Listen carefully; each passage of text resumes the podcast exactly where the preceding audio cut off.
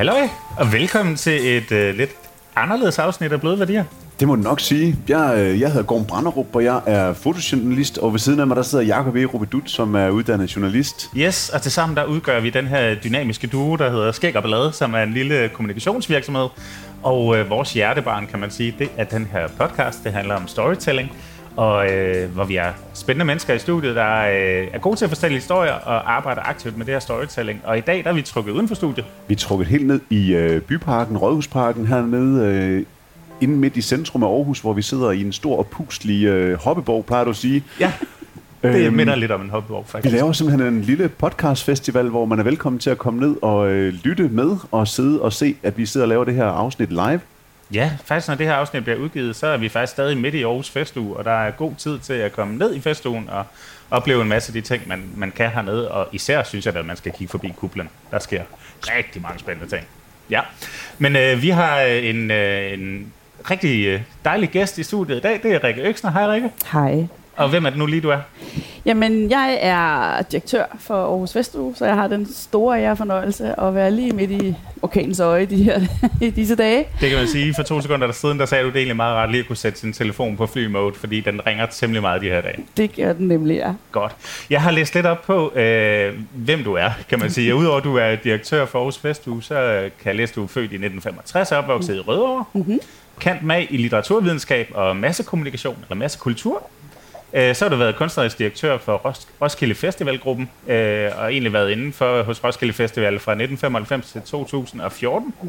Så har du siddet i bestyrelsen for det, der hedder MXD, Music Export Danmark, og Fonden Aarhus 2017, og været formand for den europæiske festivalorganisation, der hedder Europe. Ja, Europe, ja. Europe, ja. Ja. Øh, du er lidt importeret. Du har boet på Vesterbro i 25 år, men i dag bor du så i Aarhus med din mand, der arbejder mm. hos Lego. Ja, det er Ja. rigtigt.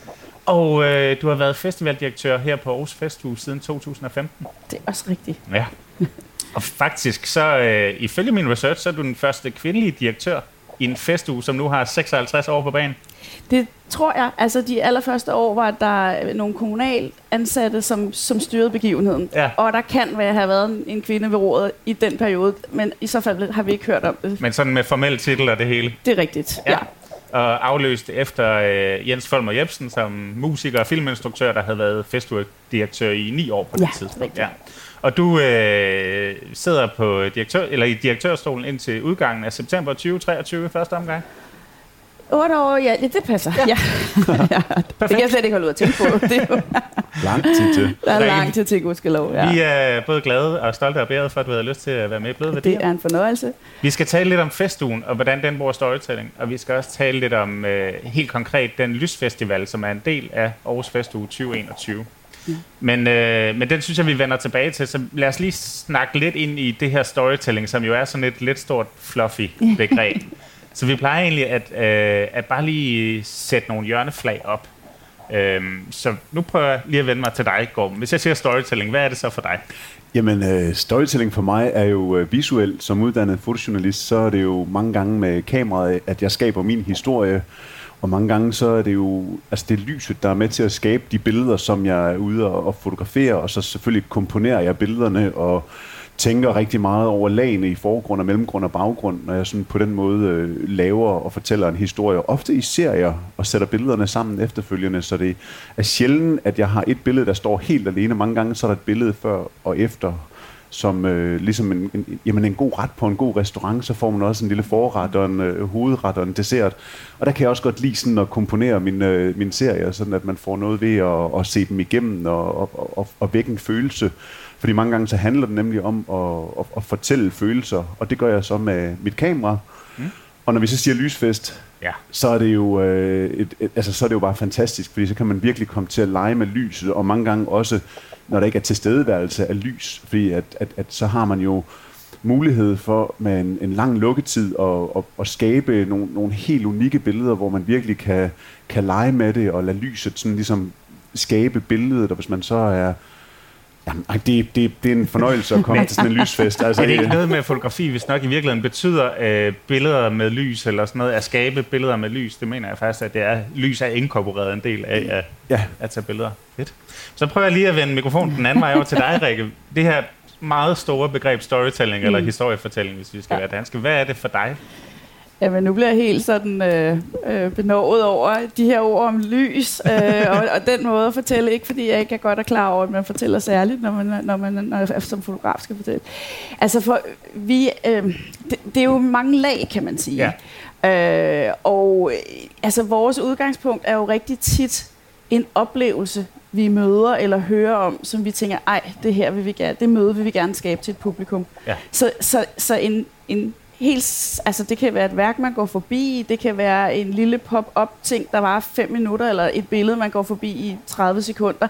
Mm. I det ligger der jo en, et møde, som er en dialog, som også er en form for kommunikation, og der kan være alle mulige, øh, mere, altså meget specifikke det ved noget bestemt, så håber man, at modtageren afkoder det. Mm. Men inden for kunst og kultur er det jo også meget ofte en, en åben størrelse, hvor folk tager det ud af det, som de, der giver resonans hos dem selv. Ja. Så det er sådan, de små enkeltstående møder er en del af det. Og så har vi jo også som en stor begivenhed, hvor vi gerne vil fortælle, hvorfor er vi her, hvorfor er værkerne her, så, øh, og hvorfor er kunst vigtig, og kultur. Så den helt store brede Den helt store brede, og, ja. og, og der, der skal vi jo, der, der, der, så begynder vi jo at bygge nogle øh, forskellige netop for historier op, og et af de steder, vi, der er godt at starte, det er jo vores øh, treårige tema. Mm. Fordi det hjælper. Altså, vi laver, der er cirka, siger sådan lidt kægt, der er tusind arrangementer i en festuge, og vi skaber en tredjedel. Resten kommer fra byen.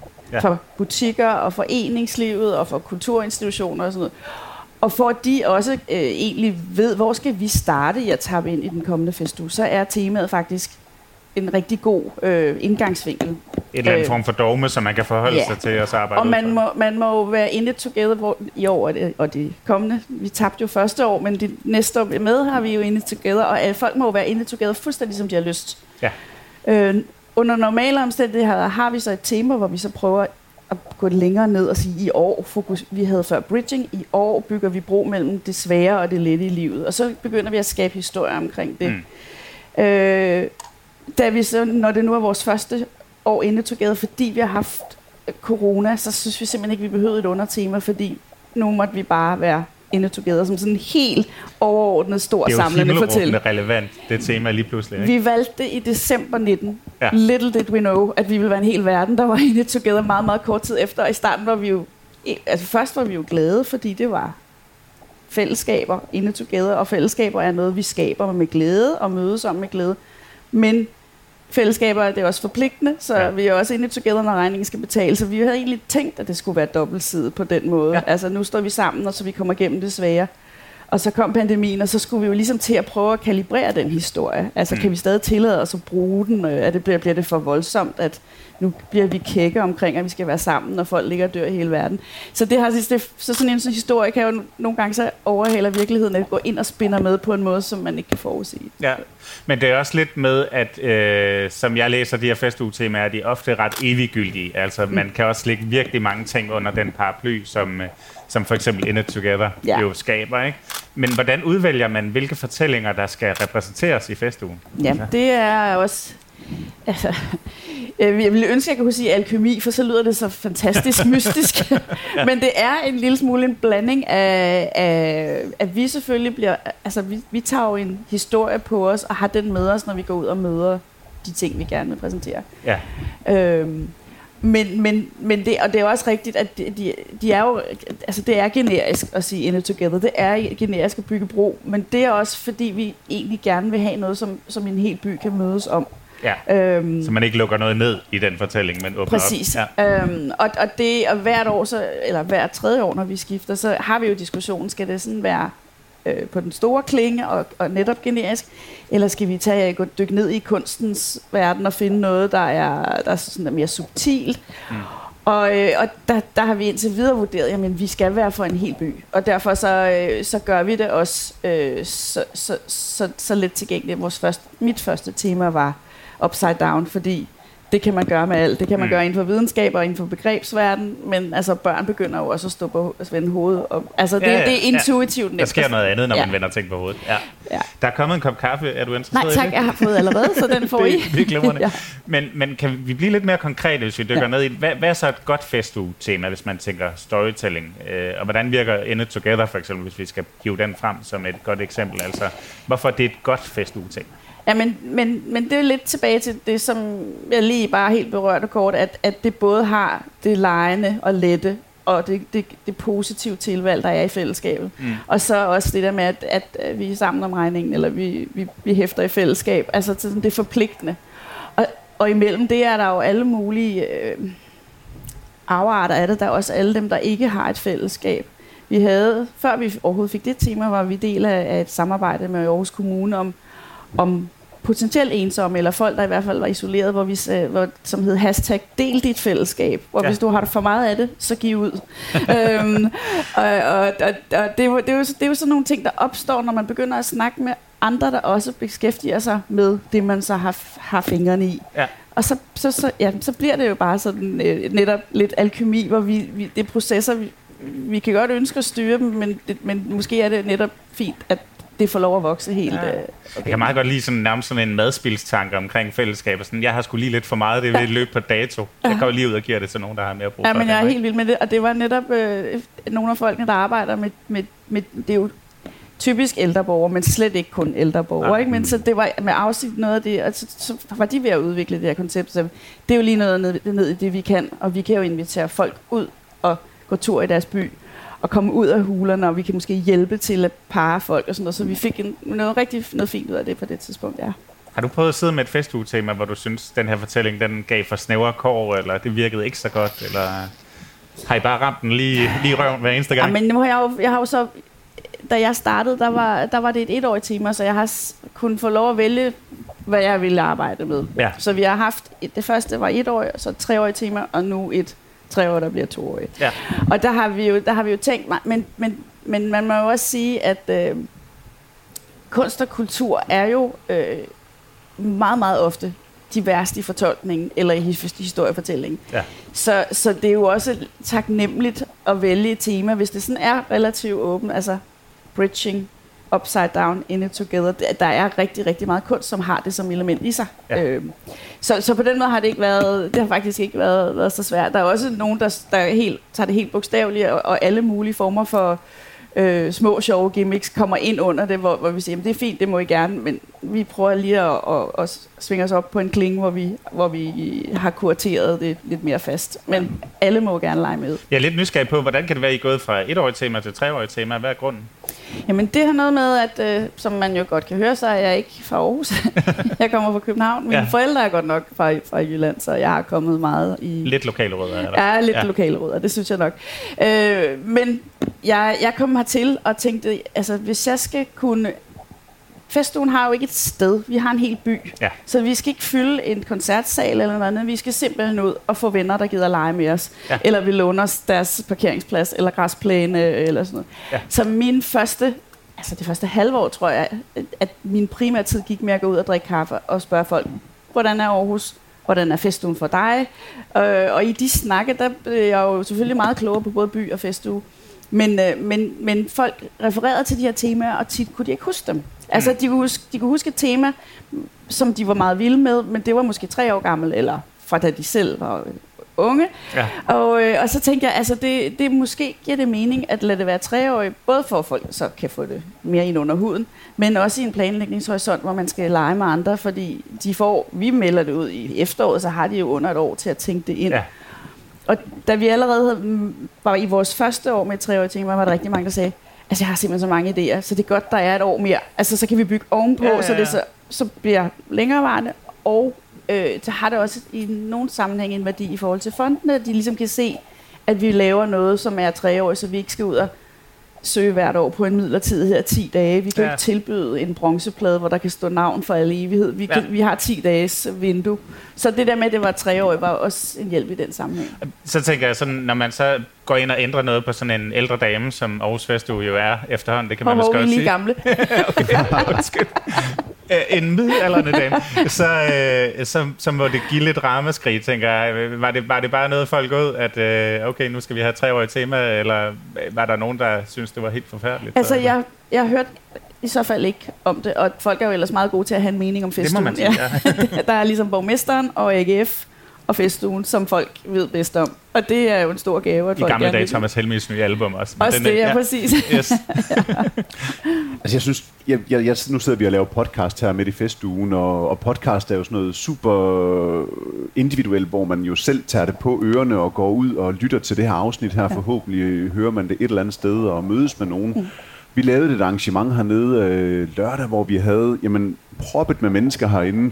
75 mennesker og øh, 15-20 mennesker, der sad ude på hver side og kiggede ind på den podcast, der hedder Vanvittig Verdenshistorie. Og, og lige der, der opstod magien for mig, fordi det virkelig var sådan noget, vi var sammen om at skabe og lave. Og, og, og, og altså for mig, der synes jeg, det er, det, det er lidt sjovt, at man har noget, der er så individuelt og så meget skabt til den enkelte, og man så lige pludselig kunne mødes om det og sidde hernede i byparken og, og lave live podcast til, til folk. Så altså, in it together, jeg, øh, jeg er helt med. Men det var fuldstændig det, der var vores tanke i sin tid. Det var det her med, at lige pludselig, altså det er jo ikke så, altså jo podcast er ældre end det, men det er ikke så længe siden, at folk for alvor lige pludselig gik rundt. Hvis de gik rundt, så var det musik.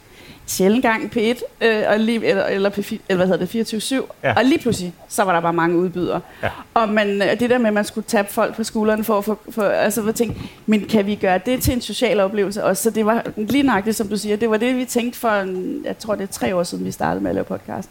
Og jeg havde den, øh, den fornøjelse, at der kom en dame forbi, jeg stod udenfor, der var en af de gange, hvor der var proppet herinde, og så, hvad sker der derinde? Så siger jeg, det er fordi, der er nogen, der er ved at lave en podcast. Og så, hvad det dog var for noget? Og så, og så, og så, så fortalte jeg det, og så, det har jeg aldrig hørt om, og jeg laver ellers radio. så det siger lidt om, Wow. at der er nogle steder, hvor det ikke var noget ud, da vi startede med det her. Ej, det er gået stærkt med Det podcast. er gået rigtig, rigtig stærkt, ja.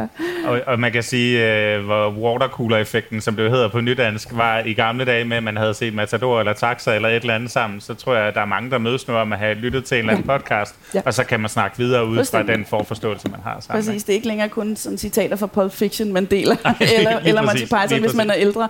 Godt. Nu fik vi landet lidt omkring det overordnede tema, hvorfor det er tre år nu, og hvad det kan, og hvad det ikke kan, og så videre. Nu vil jeg udsætte dig for en af vores Aarhus jingles, Mhm. som vores komponist har lavet øh, med storytelling i mente, og så skal vi snakke lidt øh, lysfestival bagefter. Det er fornemt.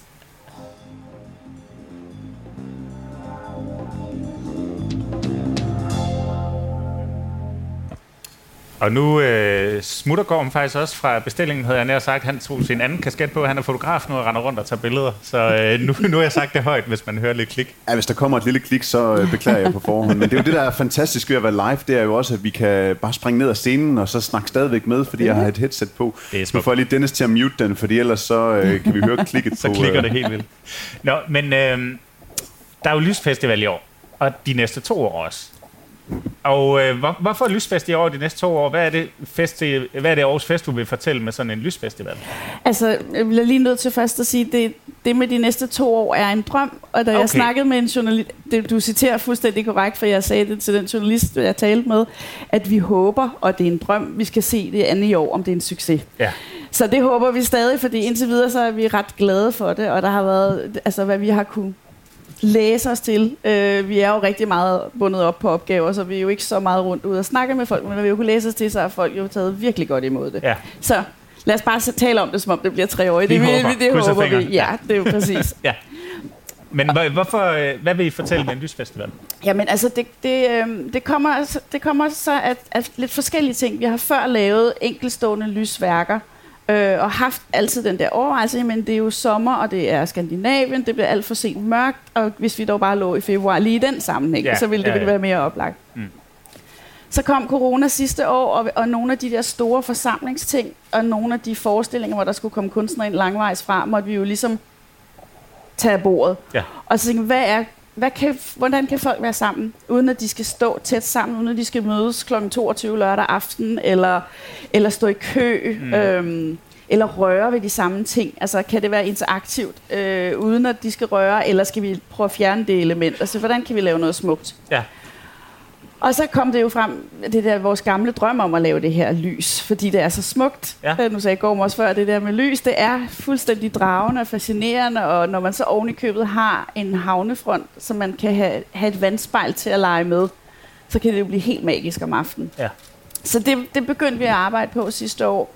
Øhm, og, og, øh, og, og så blev vi jo som bekendt aflyst 14 dage før tid, så. Ja. vi havde noget, der var rigtig langt. Altså, det var jo nærmest skibet fra de store udlander hertil. Ja. Øh, og, og så var vi jo bare ærgerlige over, at vi ikke fik den mulighed, så vi valgte at sige, vi, næste år gør vi det. Mm. Og, øhm, og, og så tog vi nogle af de stærkeste værker, eller nogle af dem, der, kunne, der ikke var for tidsspecifikke, og tog med, og så havde vi tid til at finde flere, Ja. fordi det var jo ret sent i Ja. processen sidste år. Så på den måde har vi så gået og plukket, der er ligesom elementer, der, altså både fordi det skulle passe smukt til vores by, det skulle være øhm, intuitivt, og, og, og give, på en eller anden måde, i år havde vi brug for en følelse af sådan helt næsten patetisk, eller hvad hedder sådan noget, pathosfyldt, Ja. øh, et lys i mørket, eller noget glæde, eller noget håbe, for det synes vi simpelthen bare, at vi havde brug for ovenpå det her lange træk. Helt sikkert. Så, Nu Ja. var jeg selv ude at tage vandring lørdag aften, og, og, og det er jo alt lige fra øh, blå sommerfugl, der ligger og vipper øh, bidt i vandet mm. nede ved dokken, til øh, hvad hedder det, sådan noget, øh, blomsterfrø, der svæver gennem vinden foran mm. Navitas, og et, øh, et heads up til, at man stiger for meget af sin mobiltelefon, og man kan sætte sig på en mm. bænk sammen med tre skikkelser, der sidder oplyst af, af mobiltelefoner, og så videre, så videre. Der er UVC-lys, som skræmmer virus væk, og jeg skal komme efter dig. Der er jo mange fortællinger her. Ja. Jeg er lidt nysgerrig på, hvordan udvælger man, hvad det er for nogle, nu kalder jeg det lysfortællinger, mm. øh, man gerne vil have med på sådan en festival. Men det er jo en blanding af altså den, den umiddelbare fortælling, fordi som du siger, så er de meget forskellige artet, og nogen har en meget, øhm, altså, sådan, altså meget øh, synlig eller bogstavelig fortællelse. Altså de fine sommerfugle, øh, værket hedder Butterfly Effect. Det er jo det er jo et begreb, vi kender. Altså, Mm. det er jo inden for hver, hver, hvad hedder det, hver for, formidling, at, at der er en lille bitte sommerfugl og basker, og så får vi en orkan i den anden ende af kloden. Lige pludselig var der måske en øh, flagermus, der baskede, og så fik vi en pandit. Altså, det er jo, det, den, på den er jo sådan set intuitivt nem at, at afkode, Ja. men den er også smuk. Så er der nogle værker, der var sådan, der er sådan mere øh, abstrakte, så det var sådan også en, lidt en blanding af, at øh, noget måtte gerne være figurativt og, og simpelt. Mm. Det behøver ikke at være simpelt, fordi det er figurativt, men i det her tilfælde.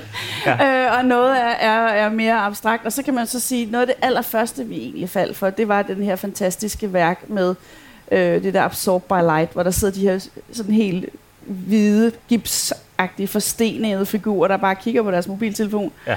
Fordi det er jo at noget, vi, altså, man behøver ikke have teenagebørn for at have kendt til det. Man kan jo kende det fra sig selv. Og, Ja. og, og vi har jo alle sammen siddet der og lukket af for verden. Og hvordan, det er jo helt, i, det, den er faktisk fra 18, men det er jo lige så aktuelt nu, hvor vi har været spadet ind. Hvordan går vi ud og Ja. er tilbage i vores by? Ja. Hvad vil vi med hinanden og den måde, vi er sammen på? Altså, det er lidt det, hvordan, hvad vil vi med hinanden og fremtiden, og hvordan er, altså det, det synes jeg er lidt, det også i forhold til det der med light og wish, med de der fine mælkebøttefrø, som man kan, vi kender det jo, børn mm. har Mhm. stået og blæst de Puster her, til dem, og så og drømme for i fremtiden og sådan noget. Så det, så det, så det har været, på den måde har vi lidt øh, været i det der med, øhm, måske tæt på det sentimentale, men, men, men det synes vi simpelthen også bare, hvis der er noget, det her fælles sang for altaner er jo også sentimentalt, at hvis Meget. vi noget, der har været brug for, så har der været det der, hvor vi kan sådan, altså føle det sådan lidt stærke bånd til noget vi genkendeligt eller til hinanden. Og, og jeg cykler er så heldig min vej hjem om aftenen, eller om natten er det jo, når jeg skal hjem af. Ja.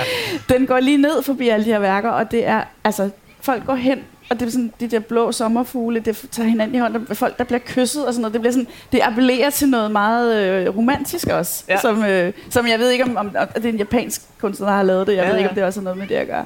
Det, Øhm, men der ligger, jo også, øh, der ligger jo også et eller andet smukt og urgammelt i det her med lyset, ja. altså, hvor at man jo årstiderne fejrer midsommer, midvinter og lysets komme, ja. og man står og samles omkring ja. Sankt Hansbål og sådan ja. Ja. nogle ting. Så jeg, jeg tænker egentlig som, som Og lysfest, så køndelmisse.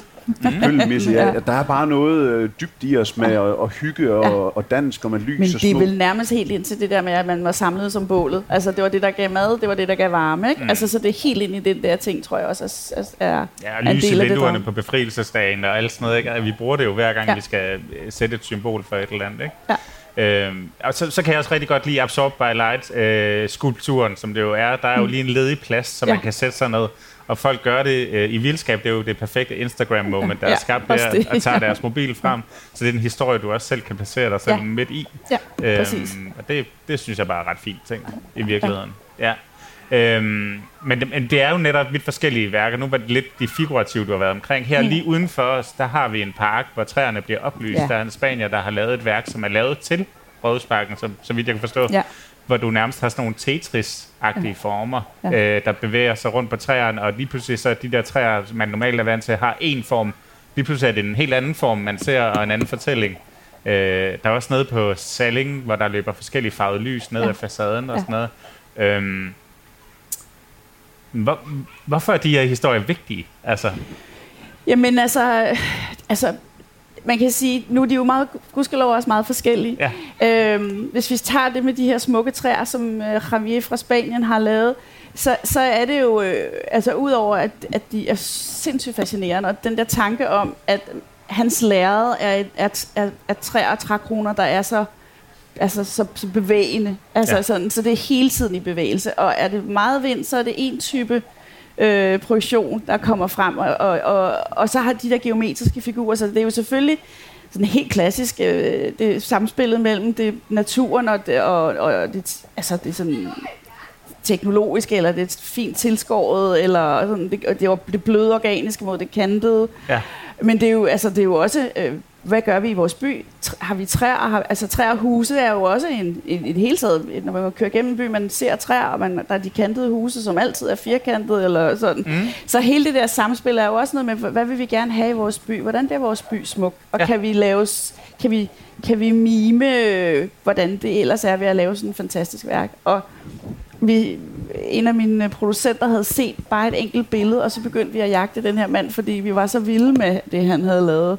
Og inden vi ligesom i- under pandemien fik fundet frem til det galleri, der havde ham, og han så kom hertil og forelskede sig i de her fantastisk store træer, vi har her. Det, i, det er jo virkelig godt læret, I har skabt her Ja. i Rådhusparken. Ja. Og det tænker jeg, det må I nærmest have siddet med den tanke, da I så hans værker, altså lavede koblingen ind Ja. i hovedet og tænkt, vi har de her træer lige over i Rådhusparken. Altså, vi havde vi lavede nogle, nogle muligheder, han kunne vælge mellem, men, Ja. men vi var jo i forvejen, altså ret, fordi der kunne lov også andre steder i Aarhus, der har store, store, smukke grønne træer. Mm. Men han var bare helt solgt til det her sted. Ja. Øhm, så, så, så at komme i juni og stod i nogle netter og lavede sin altså test og prøvede alle mulige lysindfald af og gik så hjem og designede det, som han så kom med nu her. Så Og så har stadsgartneren bare fået at vide, du klipper ikke de der grene af, det må du ikke. Eller?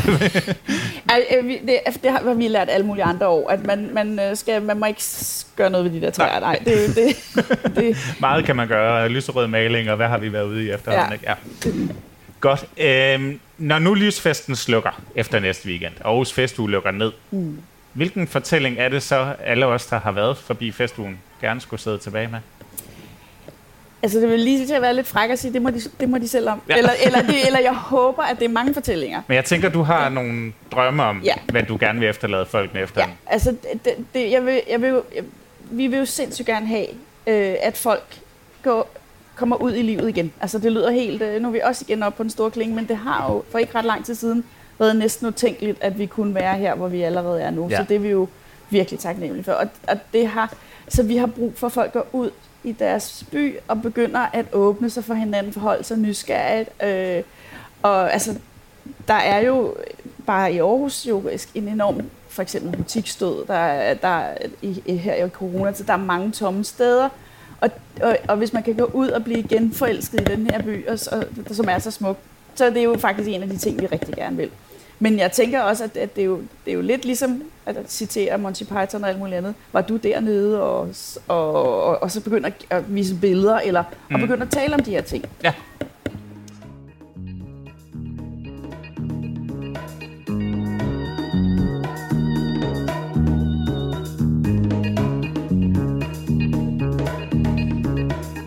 Jakob, det er simpelthen bare så hyggeligt at sidde hernede i feststuen og lave øh, bløde værdier sammen med jer. I en sofa. I en sofa, Vi ja. mangler en sofa i vores studie. ja og, og vi har blød publik- musik.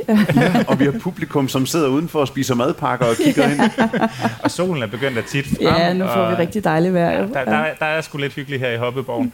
Øhm, Se, nu laver du jo en historiefortælling om en jeg. hoppeborg, og vi synes jo faktisk, det er sådan en smuk kuppel. Det så, er en meget så jeg er smuk næsten kuppel. ked af din historie. Altså, jeg vil jo meget gerne købe den. den er så fin. Jeg er helt pjattet med den. Altså, Ej, men nu får jeg også Hoppeborg til at lyde som noget, øh, noget trist. Jeg har mange gode øh, minder. Det har jeg Mange også. gode historier og fortællinger fra Hoppeborg. Men Hoppeborg er ikke så stille og stemningsfuldt. Ej, det er rigtigt. Det, det, er noget, det er en anden og også dejlig oplevelse. Det er Ja. også mere farverigt. Den er her, der er smuk og hvid. Der er og, noget af en fordybelse her, end der er nede i Ja. Hoppeland. Det Undskyld, der kom, øh, der kom min fordom om Hoppeborg frem, men Jamen, jeg, synes, det er, jeg synes, det er fint at, at sige det, fordi den er jo lavet meget elegant med sådan en, en, en, en klar lys øh, stribe hen over midten, som skaber et flot, øh, blødt, naturligt lys herinde, som giver nogle fine skygger i ansigtet på folk. Så jeg er egentlig sådan helt pjattet med den Ja. også. Og den har den her flotte, organiske, runde form. Altså, Forleden der havde vi Aarhus Onsdags fotograf forbi, og hun havde sådan en uh, fisheye, kalder man det, linse til sit kamera med. Som næsten, næsten 14 Ja. mm. Godt. Men den lånte du, og så tog du de her sådan lidt rundede billeder ja. af kuplen herinde, og det blev simpelthen, det lignede nærmest det sexinske kapel, eller sådan noget. Det blev sådan en helt magisk stemning. en katedral, ja. Ja, lige præcis. Nå, nok om Hoppeborg Ja. og forfortællinger. Fordi der er jo en fortælling med Aarhus Festuge, som også holder, øh, lad os sige, ungefær 50 ugers pause fra offentligheden om året. Mm. Hvordan opretholder man fortællingen om Aarhus Festuge, når I kun er sygelige i den her tid? Nu er jeg meget, meget hård ved dig, men altså... Nej, men det er, det er også en af de svære ting, vil Ja. jeg sige. Øh, fordi vi jo kan se, øh, at når vi nærmer os, så, så bibler jo ikke bare idéerne frem i forhold til at gerne være med i programmet. Det gør også folk, der gerne vil læse om, hvad vi gør og høre, høre til os. At det er alt fra presseinteresse til publikumsinteresse til alle mulige andre. Så Ja. det er jo det, og man kender jo også, når man, jeg har jo, som I sagde tidligere, arbejdet i den her eventbranche, kulturbranche i virkelig mange år, og med et årligt udkomme også på Roskilde Festival. Folk siger jo, når man kommer til mig, Nå, nu skal I vel også tage i gang. Ja, lige præcis. og, så, og sådan er det jo ikke. Vi er jo i gang hele tiden. Øh, men, men, det, men folk har jo alt muligt andet at gå op i. Og der er for eksempel, nu taler vi om Insta-moments, eller, eller, eller ting, som, historier, som skal leve videre. Det er jo en del af det, vi skal prøve at, ja. at, at, at, at få folk til at mindes. Og hvis vi var øh, en større organisation med en større pengepunkt, så kunne vi jo lave nogle events hen over året. Men der er jo alle mulige andre, der laver gode events i den her by. Ja. Så vi behøver ikke at være aktive hele året med begivenheder. Men vi kan gøre meget mere ved at være aktive øh, i kommunikationen af vores historier. Og det er vi også egentlig, altså vi har sådan set prøvet at, at, at, at, at, fyre lidt op under det, og lagt en plan for det, og så kom corona, og så var det jo bare nogle andre historier, det kom til at handle om, fordi der var ikke en fortælling om en festu, der havde været. Der var en, historie om en festu, der ikke blev, og, og, og det var jo det var lige pludselig en anden... øh, Ja, den, er man vel ikke så interesseret i, at det er den, nej, der det var, det var, videre? den var i hvert fald svært at turnere på den rigtige måde. Ja. Ikke? Altså, så blev det måske mere at, at være i en, en, en dialog med vores mange frivillige, som jo er vores ambassadører i forhold til at samle deres energi op og deres skuffelse og sådan noget. Så så bliver det jo sådan lige pludselig som det nære, man, man kommer til at beskæftige sig med. Ja. Så. Det er meget sjovt, fordi Gorm og jeg kommer ud af Muskelsvindfonden, begge to, hvor vi har været på landevejen, både med Grøn Koncert og Circus Sumarum. Mm. Øh, Gorm som praktisk gris og fotograf, og jeg som kommunikationsmand. Og det var jo også, så havde man, lad os sige, hvis du var heldig to uger om året, hvor mm. du skulle producere alt det content, som det hedder på godt dansk i dag, du skulle bruge resten af året. Ja. Så jeg har jo været afsted med øh, påskeæg og nissehuer og sådan noget på Circus Marm, fordi vi skulle også lige have lavet den der video, vi så kunne poste i løbet af året på det rigtige tidspunkt og, og sådan noget. Tænker I det samme? Har I sådan en, nu skal vi sørge for at have nok materiale til, at vi kan holde julene i gang resten af året? Ja, det, det gør vi helt klart. Øhm, og, øh, og, og, og, og vi har et, et øh, relativt nyt, nu det siger jeg relativt, fordi de har faktisk, de startede i januar øh, 20, Ja. ja. øh, kommunikationshold, eller vi er jo en lille flok, så vi er bare, det, der, der var to, der ligesom skulle i gang, og de er jo først nu, efter 18 måneder, fået lov at udkomme og Ja. samle det her materiale øh, Ja. til deres strategi i det. Så det glæder vi os jo rigtig, rigtig meget til. De har juleaften lige nu. Ja, De det, drøner ja, det har vi jo sammen. faktisk alle sammen. Jeg ved ikke, om man er helt lige så træt juleaften, men det er man er i hvert fald lige så glad. Og det er kun mandag. og det er kun mandag, ja. Det er det. Det er jo en helt forløsning, når man endelig kommer ud og kommer ja. Ja. i gang og får der lov til at afvikle det, og produktionsplanen den kører, som, som den skal. Fuldstændig. Og at, altså, det der med, at man jo i lang tid ikke ved, altså, hvor meget vil folk være med. Men det hen over sommeren, vi har jo øh, hele, som sagt, hele byen er med til at skabe øh, festugen. Så i løbet af sommeren lige pludselig så begyndte det at vælte ind på det her link, vi er, som arrangører kan lægge på, ting, programpunkter ind. Og jeg tænkte, når der er så mange, der lige pludselig har planlagt aktiviteter i festugen, så er der nok også rigtig mange publikummer, der vil være klar til at se dem. Så det var sådan et, den første tegn på, at nu, nu kommer der altså, nu, nu vil vi gerne. Nu, øh, nu, er der, nu er der gang i den, ja. Hvis vi nu skal skære det helt ind til benet, det her med storytelling og Aarhus Festu, ikke? Nu har vi ja. været omkring øh, temaerne, vi har været omkring at være væk i lang tid, og så skulle udkomme igen, øh, og ovenpå en pandemi og fortællinger omkring mm. det. Men, men hvis du sådan skal kode det helt ind, hvilke fortællinger er så de aller, aller vigtigste for Aarhus Festu at få fortalt? Jamen i år er det, at øh, vi skal ud og have have fat i vores fællesskaber igen. Vi skal være ud og være åbne for hinanden. Så kan man selv bestemme, hvor fysisk tæt man vil være. Mm. Men vi skal ud igen og have den her tillid til, at vi er et fællesskab, og det er faktisk her, vi skal bygge. Vi skal ikke, vi skal ikke gå rundt med masker på og spritte hænder og ikke give hånd, og vi skal finde den her balance med, hvordan er vi sammen. Så ud og blive, blive glad for din by igen, og blive glad for hinanden, og nyde alle de her oplevelser, som der er. Og så er der jo det kulturliv, der har været noget af det første til at lukke, og noget af det sidste til at få lov at åbne igen.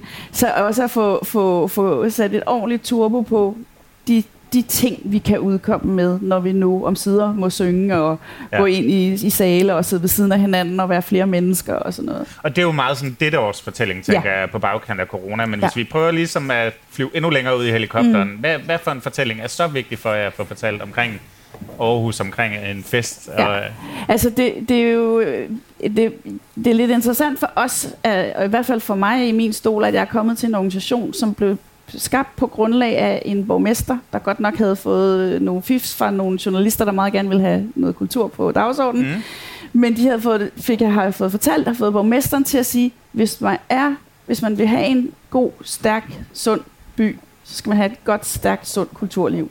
Ja. Så det har simpelthen været politisk vilje. Vi skal have en, det sagde han i 64, og den første kom så i 65. Så vi har med os, at det, en by bliver god af et stærkt kulturliv. Både fordi kunst er vigtig, men for kultur er jo også i fæld, de her fællesskaber, som vi snakker så meget om.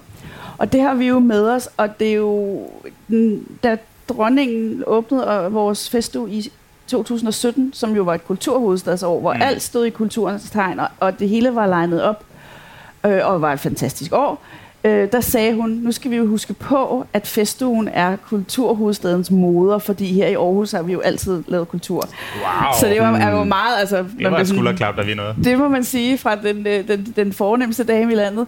Ja. Øhm, så, det, så det er jo vigtigt for os, og det er jo faktisk også viser, altså vores borgmester, når han fortæller om sin by, så, så har der jo lavet undersøgelser flere gange om, hvad synes borgerne er det vigtigste og det er kultur og natur på en, en førsteplads. Kulturen lige over natur, og længere nede ligger boliger og, og børneinstitutioner og sådan noget. Så man har fået talt kulturen op i Aarhus ja. anderledes end, end mange andre steder, jeg har oplevet det. Øhm, og det synes jeg er, det vil den historie vil vi sindssygt gerne være med til at, øh, at fremme og understøtte og er vise er sandt. Altså en grundfortælling, der går helt tilbage til 64 om, mm. at en stærk by har et stærkt kulturliv. Ja. Ja. Og det, det er den samme, der i virkeligheden gælder ja. i dag. Det er ligesom DNA'et.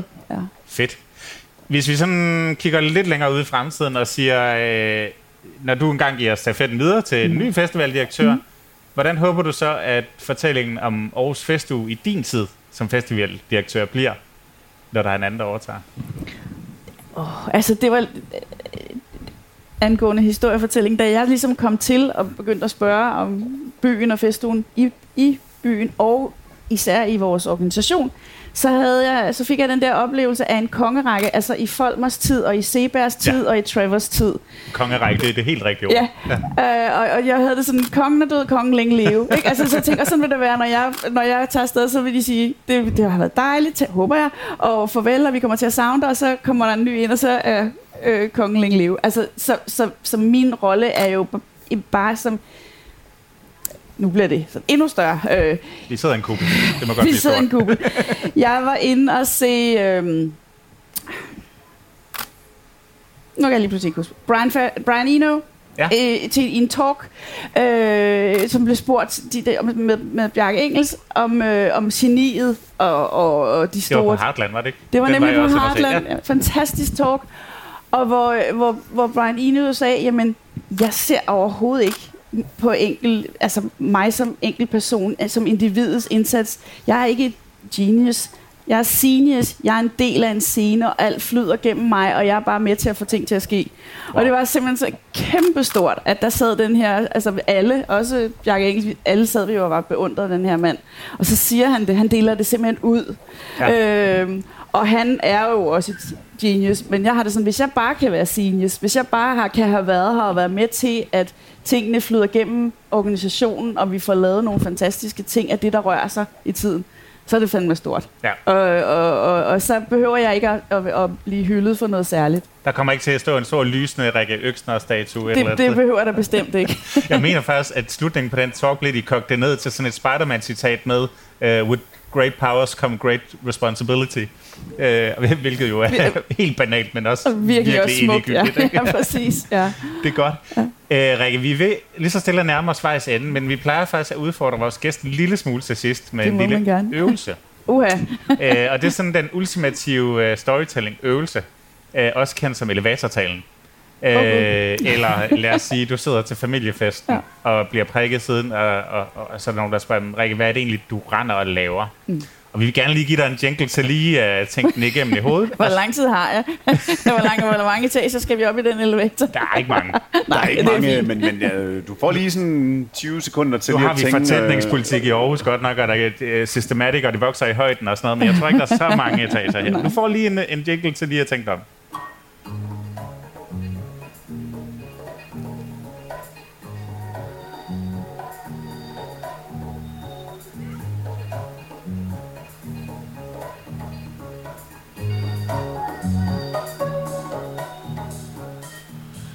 Ja, nå. Dørene lukker. Det siger ding, og elevatoren den begynder at stige til værs, og øh, vedkommende spørger dig, Rikke, hvad er det egentlig, du laver, det der festuge? Hvad er det for noget? Jamen, Aarhus Festuge er en gammel begivenhed i en by, som er ret fantastisk og smuk. Det er en øh, kulturbegivenhed, hvor vi hvert år skal prøve at øh, give byen nogle af de skønneste oplevelser inden for kunst og kultur. Og det skal meget gerne være både de lette, glade oplevelser, som skaber fællesskaber og at folk mødes, men det må også gerne udfordre, så folk har noget at gå hjem og tænke over. Et fælles refleksionsrum gerne, så man har noget at snakke om. Perfekt. Den er købt. Det er så fint, ja. Rikke, det har været rigtig spændende at snakke med dig. Og, øh, det har været en fornøjelse. Kæmpe opfordring herfra til at gå ud og opleve både festugen og især også Lysfestivalen. Mm. Øh, der er altså noget at komme efter, og der ligger fine folder rundt omkring, hvor man kan se kortet over, hvor man kan finde alle de her lysinstallationer. Ja. Tak fordi du sagde og, og, og så kunne jeg rigtig godt tænke mig, for vi er jo live her, Ja. Og vi har faktisk et publikum, der sidder herude. Ja. Er I ikke klar på sådan at give den en rigtig fin, stor hånd, så man rigtig kan høre jer i øh, og klappe? Skal vi give Rikke en hånd? Er I klar? Yeah! Åh, oh, hvor er I gode. Tak for det. Tusind tak, fordi du var med, Rikke. Jamen selv tak.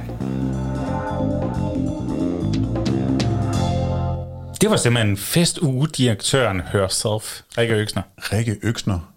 Sikkert dog en meget behagelig samtale, synes jeg. Ja, det må du, det, det må du nok sige, Jacob. Jeg, øh, jeg er kæmpe plus på det, og hvor var det fedt at, at få hende ind her sådan en mandag morgen, øh, inden vi udgiver det her i dag onsdag. Ja, lige præcis. Og, øh, og til et telt, hvor der sådan primært kom skolebørn ind fra højre og satte sig i sækkestolene, og faktisk sådan helt disciplineret sad og lyttede med og klappede, når de skulle og sådan noget. Det var faktisk det var en rigtig fin oplevelse, synes jeg det gav, noget, det gav noget respons, og det gav noget liv, og det gav noget til et øh, dejligt tætpakket program, fordi vi har fandme kørt på her de sidste mange dage i øh, Aarhus Festuge, hvor vi laver vores lille podcastfestival nede i Kublen. Ja, inden, inden vi lige snakker mere om det, så vil jeg bare lige høre, Gorm, hvad synes du om at optage live?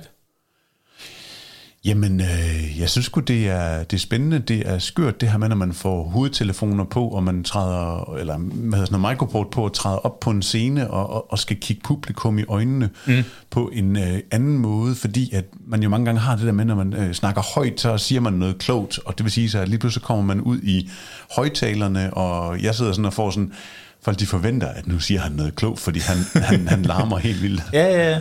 Men jeg kan også mærke, når jeg sidder og laver interview med, med Rikke der, at, at så er det jo naturligt for mig at se hende i øjnene, og, og, og, og have den her, hvad kan man sige, øhm, nonverbale kommunikation, som ligger i, at man også har øjenkontakt og kropssprog og alt det der, som man jo normalt har under et interview.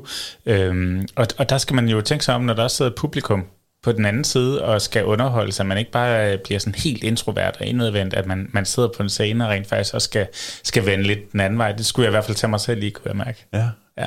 Altså, der, der er noget, hvor man sådan aflæser hinandens mimikker og, og spejler og sådan nogle ting, og jeg sad, jeg, jeg sad meget og kiggede på alle poderne, der sad derude og, og, og, og i stækkestolene og, og hyggede sig og gassede sig, og så de, øh, de voksne, som også var. Altså, det var sgu fedt et eller andet sted at, at se folk træde ind i teltet og sådan bare være stille, og så prøve at få øjenkontakten. Jeg prøvede også at sidde og vinke folk ind i teltet, fordi mm. folk de bliver også sådan lidt, ah, de er i gang, jeg må helst ikke forstyrre. Og jo, det må I faktisk gerne. ja, det er jo live, og det, det element skal man jo også bruge til noget, tænker jeg, når man, når, når man er derude på en scene har et publikum. Og du, du havde rigtig mange kasketter på, jeg sige, fordi du sprang også op og ned af scenen med dit kamera, og sørgede også lige for, at det hele blev billeddækket, så vi efterfølgende havde nogle fede billeder, vi kunne øh, sende afsted til både øh, presse og til vores egne kanaler og sådan noget. Så øh, mange kasketter hele vejen rundt.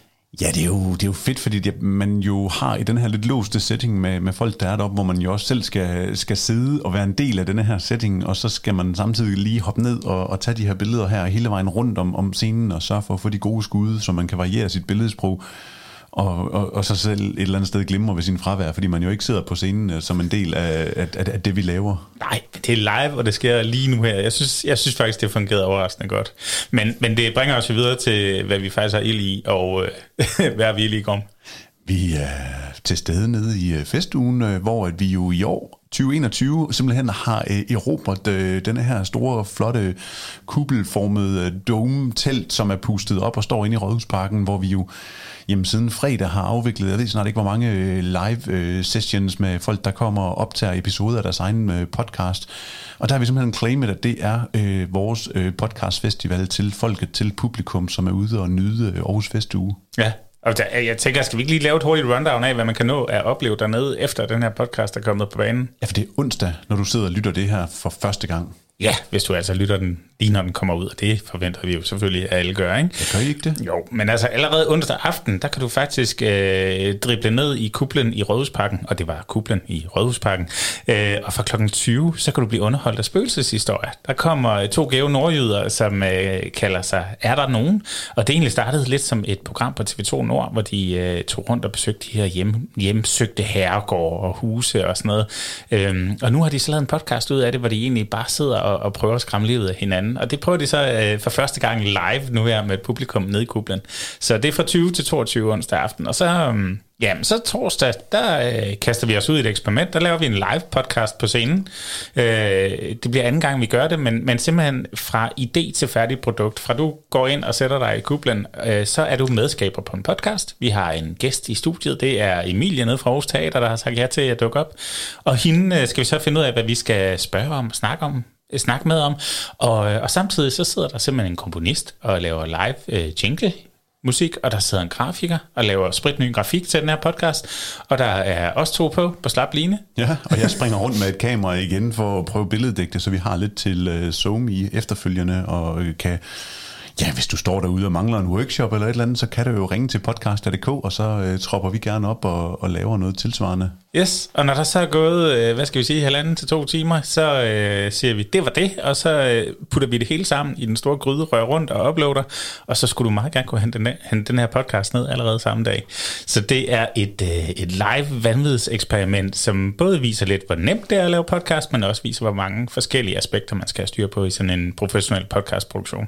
Så hvis man er nysgerrig og gerne vil høre et af de to ting, vi laver der, så kan man gå ind på det feed, der hedder podcaster.dk i øh, din øh, Apple podcast, Google podcast øh, app, og så se øh, og høre øh, et afsnit med Kat ud fra Muskelsvindfonden, eller Emilie nede fra Aarhus Teater, som øh, er så vanvittigt modige at stille op i vores lille eksperiment live fra scenen. Det bliver mega fedt. Jeg glæder mig. Øhm, jamen, så bliver det øh, fredag den 3., og der øh, kan man lære noget om, hvordan man laver podcast til børn. Det er faktisk øh, Dorte Palle, som kommer fra Rakkerpak Production, der øh, er nogle af de allerdygtigt herhjemme, synes jeg, til at lave podcast. De har lavet blandt andet den, der hedder Corona for børn, hvor hendes egen børn gik i gang med at lave podcast, da de blev sendt hjem under lockdown, og så begyndte at, at snakke med børn og, øh, og, og folk, der vidste noget om, hvad det her corona var for noget, og det blev der så en rigtig fin podcast ud af. Og, øh, og derudover så øh, har de også lavet en gaming-podcast til Talktown, der kører lige for tiden, og så videre. Så det er børnene, der er i fokus der, og der, jeg ved, børnene er med på scenen, og der bliver, øh, kommer en masse gode eksempler, og en masse gode fifs til, hvis man laver podcast i børnehøjde. Det bliver så spændende. Altså, ja. Det synes jeg. Og så er det jo fedt, at uh, Dorte, hun har også en mand, han hedder Thor, han er også en del af Rakkerpark Production, og han er også tidligere øh, radiochef inden for Danmarks Radio. Og han hopper på, når hun er færdig, og så uh, fortæller han om at lave den gode intro. Og det er jo fordi, når man laver en podcast, jamen så øh, er de første par minutter alt altafgørende for, om folk de bliver hængende eller springer fra. Ikke? Så øh, Thor, som han hedder, han har øh, gode eksempler på, øh, på gode introer med, og, øh, og giver også nogle fifs og tips og tricks. Så det er sådan meget hands-on. Og øh, så slutter vi fredag den 3. af med at, øh, at få Radio Loud forbi, som sender live fra Kublen. Øh, de kommer og, to piger, Amalie og Nana, og øh, sender live dernede fra. Øhm, det er noget med, det handler om sex, ikke? Ja, de er lidt, øh, de er lidt frem og tilbage på, hvad, hvad det er. Øh, men de laver i hvert fald et øh, afsnit, som bliver optaget og senere udgivet øh, i, i et af deres egne programmer på øh, Radio Loud. Jamen, det er smukt. Og så øh, sidste gang, vi indtager scenen med øh, vores podcaster.dk-program, det er øh, om lørdagen, den 4. september, hvor vi fra kl. 16 har øh, en podcast, der hedder Sløjtlæsning. Og det er altså to gutter, der sidder og dykker ned i noget fanfiction og, og snakker om det. Øhm, og det er sådan en, ja, der er, der er god grin undervejs, øh, og, og man kan trække lidt på smilebåndet. Og det fortsætter så kl. 18 med den podcast, der hedder Siden Sidst, hvor det så er to kvinder, Sati og Sofie, som øh, mødes og snakker om, hvad de har lavet siden sidst. Øhm, og det tror jeg bliver mega underholdende. Jeg har i hvert fald hørt noget om, der både skal danses, og der er special guest, og ja, jeg, jeg er ikke helt sikker på, om kuplen kan klare Sati og Sofie, om den står der efterfølgende, men det bliver i hvert fald et, et, et brag af en fest, tror jeg. Så, så kom lige ned i kuplen i festugen og oplev det her. Der er bare sådan en øh, speciel atmosfære. Altså, mm, forestil dig, at du lige nu sad i samme rum, som vi står og optager det her i, og lytter med, og kunne se os gøre det, og det har du så mulighed for hver eneste dag her fra onsdag frem til og med lørdag. Altså, kom ned og mærk, hvordan at, at det stemmer fra scenen, når, når der bliver rørt i den store gryde. Ja, og øh, altså indtil videre har det været en kæmpe fest at lave podcastfestival i Aarhus Festuge, og jeg håber virkelig, at det kunne blive sådan en tilbagevendende ting. Mm. Nå, vi skal videre til nogle anbefalinger. Lad os lige få en jingle.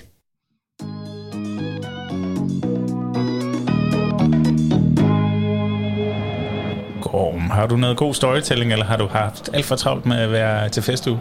Jeg har haft øh, vanvittigt travlt, det må jeg skulle sige, men jeg har en øh, anbefaling, som er sådan en familieudflugt, til, øh, hvis man har børn. Mm. Og, øh, det har du jo. Jeg har to dejlige knægte i alderen 6-9 år, og den ramte lige ned i dem. Og se dem i de her øh, blå plastiksæder sidde og kigge ud på øh, et stadion. Det var ja. en øh, fornøjelse at se dem. Så hvis du bor i en øh, by, hvor der er et øh, hold, et Superliga-hold af, ja, det er sgu lige meget om det er det ene eller det andet hold, for mit vedkommende, og den oplevelse, som børnene fik, så skal man tage ud og se de her 11 mand løbe efter en øh, bold på øh, grøntsværen. Vi var nemlig på øh, AGF-stadion øh, her i søndags, da de spillede med OB, og se kampen, og jeg kan rigtig, rigtig godt lide at se fodbold, men jeg synes faktisk, det fineste, det var at se den her entusiasme, som de her unger her, de øh, indledede sig i den her fodboldkamp her. Jeg er sgu ikke helt sikker på, at Adam, som er den mindste, han altid lige var helt skarp på, om det var den ene eller den anden vej, men stemningen, fordi vi sad nede under udbaneafsnittet, altså OB, som jo stod i bar overkrop, og store mænd, der stod og dansede og hoppede og trummede og sang, og der sprøjtede med øl ud over det hele, og jamen øjnene, de var, øh, de var sådan godt deroppe af, fordi det var sgu øh, spændende at se og der blev råbt grimme ting, og der blev råbt, altså det var sådan, altså alt mulig øh, god opdragelse, det blev simpelthen bare lagt på hylden, og voksne mænd, der øh, danser rundt i bar mave og siger utrolig grimme ting imod den ene og den anden spiller, og dommeren og sådan nogle ting, så det, det er ikke sådan en hygge søndag. Det er sgu, øh, det, det, er, det er følelser, og det er voksne mennesker, som, som virkelig udlever deres øh, inderste følelser. Så det var en, en øh, klart en anbefaling Og jeg er sikker på, at man kan komme ud på øh, de fleste større Superliga-stadions og se den samme passion af tilrejsende fans, som øh, virkelig bare skal ind og se, eller folk, der kommer ind og skal se deres hjemmehold og, og få en god oplevelse. Hvor, hvor, jeg er glad for, at du hiver det op, fordi altså, jeg er om noget ikke en sportsfanatiker, og, og det der med fodbold har aldrig sådan rigtig sagt mig noget. Altså måske jo, hvis der lige kører EM, VM eller sådan noget i fjerneren, så kan jeg godt være med og hisse mig selv lidt op. Men det der med at tage til kamp, jeg har aldrig, jeg har simpelthen aldrig forstået det. Men jeg kan godt forstå, hvor du vil hen med det, det der med, at der kommer de her primalfølelser op, og man øh, bliver sådan lidt et, et menneskedyr, der står og råber og skriger og ja, holder med, med, med sin hjemstavns helte, ikke? Jamen det, og, det, og det gør man, og så skal man jo have en, øh, en, en kæmpe Frankfurter samtidig med. En stadionplatte, er det ikke det, ja, de kalder ja? Ja, ja, og, og, og, og, de, og så skal man se, om man kan balancere med tre af dem, og ned fra øh, det, ja, pølsevognen, skulle jeg sige, og så hen med øl i, og krus og vand og sodavand, og det, det, det er grimt på alle mulige måder på det her sådan øh, rå betondæk og blå plastiksæder og sådan nogle ting, så det er virkelig... Altså det var sgu en, det var en, det var en fed oplevelse, og solen der sådan gik ned, og lange skygger, og øh, de her projektører på stadion, som, som prøver... Altså, Du sælger den godt. Jeg synes, du skal, jeg synes, du skal unde dig selv at tage, tage ungerne med ud og, og få en helt anden kulturel oplevelse end, øh, ja, altså det, det kan også noget. Mm, ja, ja men jeg, jeg, jeg tager den til mig. Jeg vil gerne prøve det. det øh, jeg har også en anbefaling med. Det er knap så mange øh, blå plastiksæder. Den er oplevet hjemme i sofaen. Øhm, på god gamle Danmarks Radio. Ja. Øhm, jeg har sat mig ned og set en, øh, en norsk dokumentarfilm fra 2020. When I close the door, I start to paint. That's my universe. To eh, måleri av kunstneren Barbora Kisilkova ble stjålet i går. I don't know what to think. We have identified the thief. We have not found the painting. We had his name from the court papers. You might know who I am. I'm just a curious person. What made you do it? It was your masterpiece. Det, jeg har set, det er den øh, dokumentarfilm fra 2020, som hedder Kunstneren og Tyven. Og øh, hvis man har 1 time og 42 minutter af sit liv, som man ikke lige ved, hvad man ellers skal bruge på, så er det altså en kæmpe, kæmpe anbefaling. Det er længe, længe, længe siden, jeg har været så øh, godt fanget ind af en dokumentarfilm. Øhm, helt kort, fortællingen er, at øh, der er den her øh, kunstner, Barbara, som øh, udstiller i Norge, øh, og øh, i forbindelse med hendes udstilling, så er der indbrud, og så bliver der simpelthen øh, stjålet to af hendes øh, allerstørste værker fra den her udstilling. Meget, meget flotte naturalistiske oliemalerier. Øhm, nu er det sådan, at... Øh, at, at de bliver taget på video, de her 20-knægte, der er to stykker, og øh, bliver også fanget og dømt for det her. Og øh, til retssagen, der møder, øh, billederne bliver ikke fundet, skal det siges. Og til retssagen, der møder Barbara sig op, og så spørger hun simpelthen øh, den ene af de her 20, Karl Bertil hedder han, om hun ikke må male ham. Og, øh, og på den måde, så han siger ja, og, øh, og kommer så til at sidde model for hende. Og hun maler et meget, meget, meget smukt portræt af den her øh, martrede mand med ar på sjæl og krop. Og, øh, og stille og roligt så udvikler de faktisk et venskab, øh, som jo netop er venskabet mellem kunstneren og tyven. Øh, og hun følger ham i hans øh, tvivlsomme valg øh, fremadrettet, og hun viser jo også selv, at hun er en, en meget sårbar sjæl, den her kunstnersjæl, og problemer med barforhold og så videre. Og det er samtidig også en jagt på at finde de her malerier, som øh, Karl Bertil heller ikke rigtig ved, hvad der er blevet af, øh, fordi han har begået røveriet i den, i den største rus af alt muligt. Ikke? Øh, så der er både en, en, en sådan fed, drivende fortælling i, finder vi nogensinde hendes malerier igen? Det er malerier, hvor hun har lagt krop og sjæl og masser af timers arbejde i. Og så er det det her spirende venskab mellem to personer, der på hver deres måde både er ekstremt sårbare og ekstremt stærke. Øhm, og det, det ser man undervejs. Øhm, instruktøren Benjamin Re, jeg synes, han har gjort et helt vildt fremragende stykke arbejde.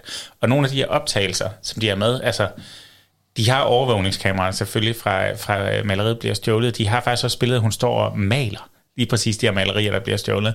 De har lydoptagelser fra retssalen første gang, hun går hen og spørger Karl Bertil, om hun må male portrættet af ham og sådan noget. Så det, det er, det, når dokumentar er bedst, og, og der ikke er noget, der er opstyltet eller sat op, men det hele det foregår realtid, så, øh, så synes jeg, så, så kan det bare noget helt vanvittigt, og det kan det her. Så kæmpe, kæmpe anbefaling til kunstneren og tyven. Du er god til at finde de der øh, dokumentarer der. Altså, jeg kan godt lide det. Det var helt tilfældigt, og, og faktisk min hustru, der havde fundet den, og sagt, skal vi ikke bare lige prøve at se, hvad det er for noget? Og vi sad bare altså i de her små to timer, og bare den, ens underkæb, den røg bare længere og længere ned på sofaen. Øhm, så det er fedt, at man også bare nogle gange ud af det blå, bare kan trække sådan en virkelig god oplevelse. Så det er inde på DR.dk, øh, TV, et eller andet, og Lige logge ind, præcis. og så finde den. Yes, jeg var lige inde og tjekke, og den ligger der indtil noget juni 23 eller sådan noget, så den, øh, den ligger der et rigtig godt stykke tid endnu, øh, og man kan gå ind og hente den via deres app og, øh, og se den på sin devices. Ja, tak.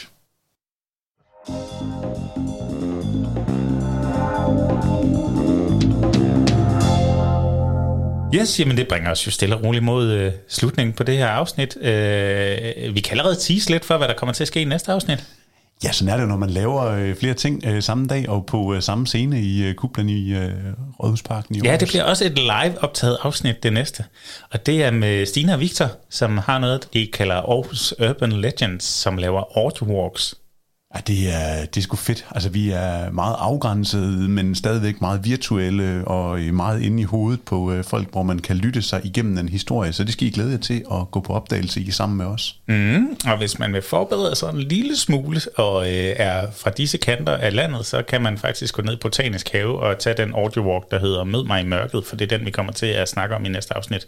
Så det kan I godt glæde jer til. Det var en øh, rigtig spændende snak med to unge iværksættere, eller tre var der faktisk, øh, omkring hvordan de har lavet et, et fedt projekt med storytelling og lyd og ny teknologi. Og jeg synes, det er vigtigt at sige, at den er der i 12 måneder, så man er ikke festugeafhængig. Så hvis du hører den om et par uger, så kan du stadigvæk gå derned.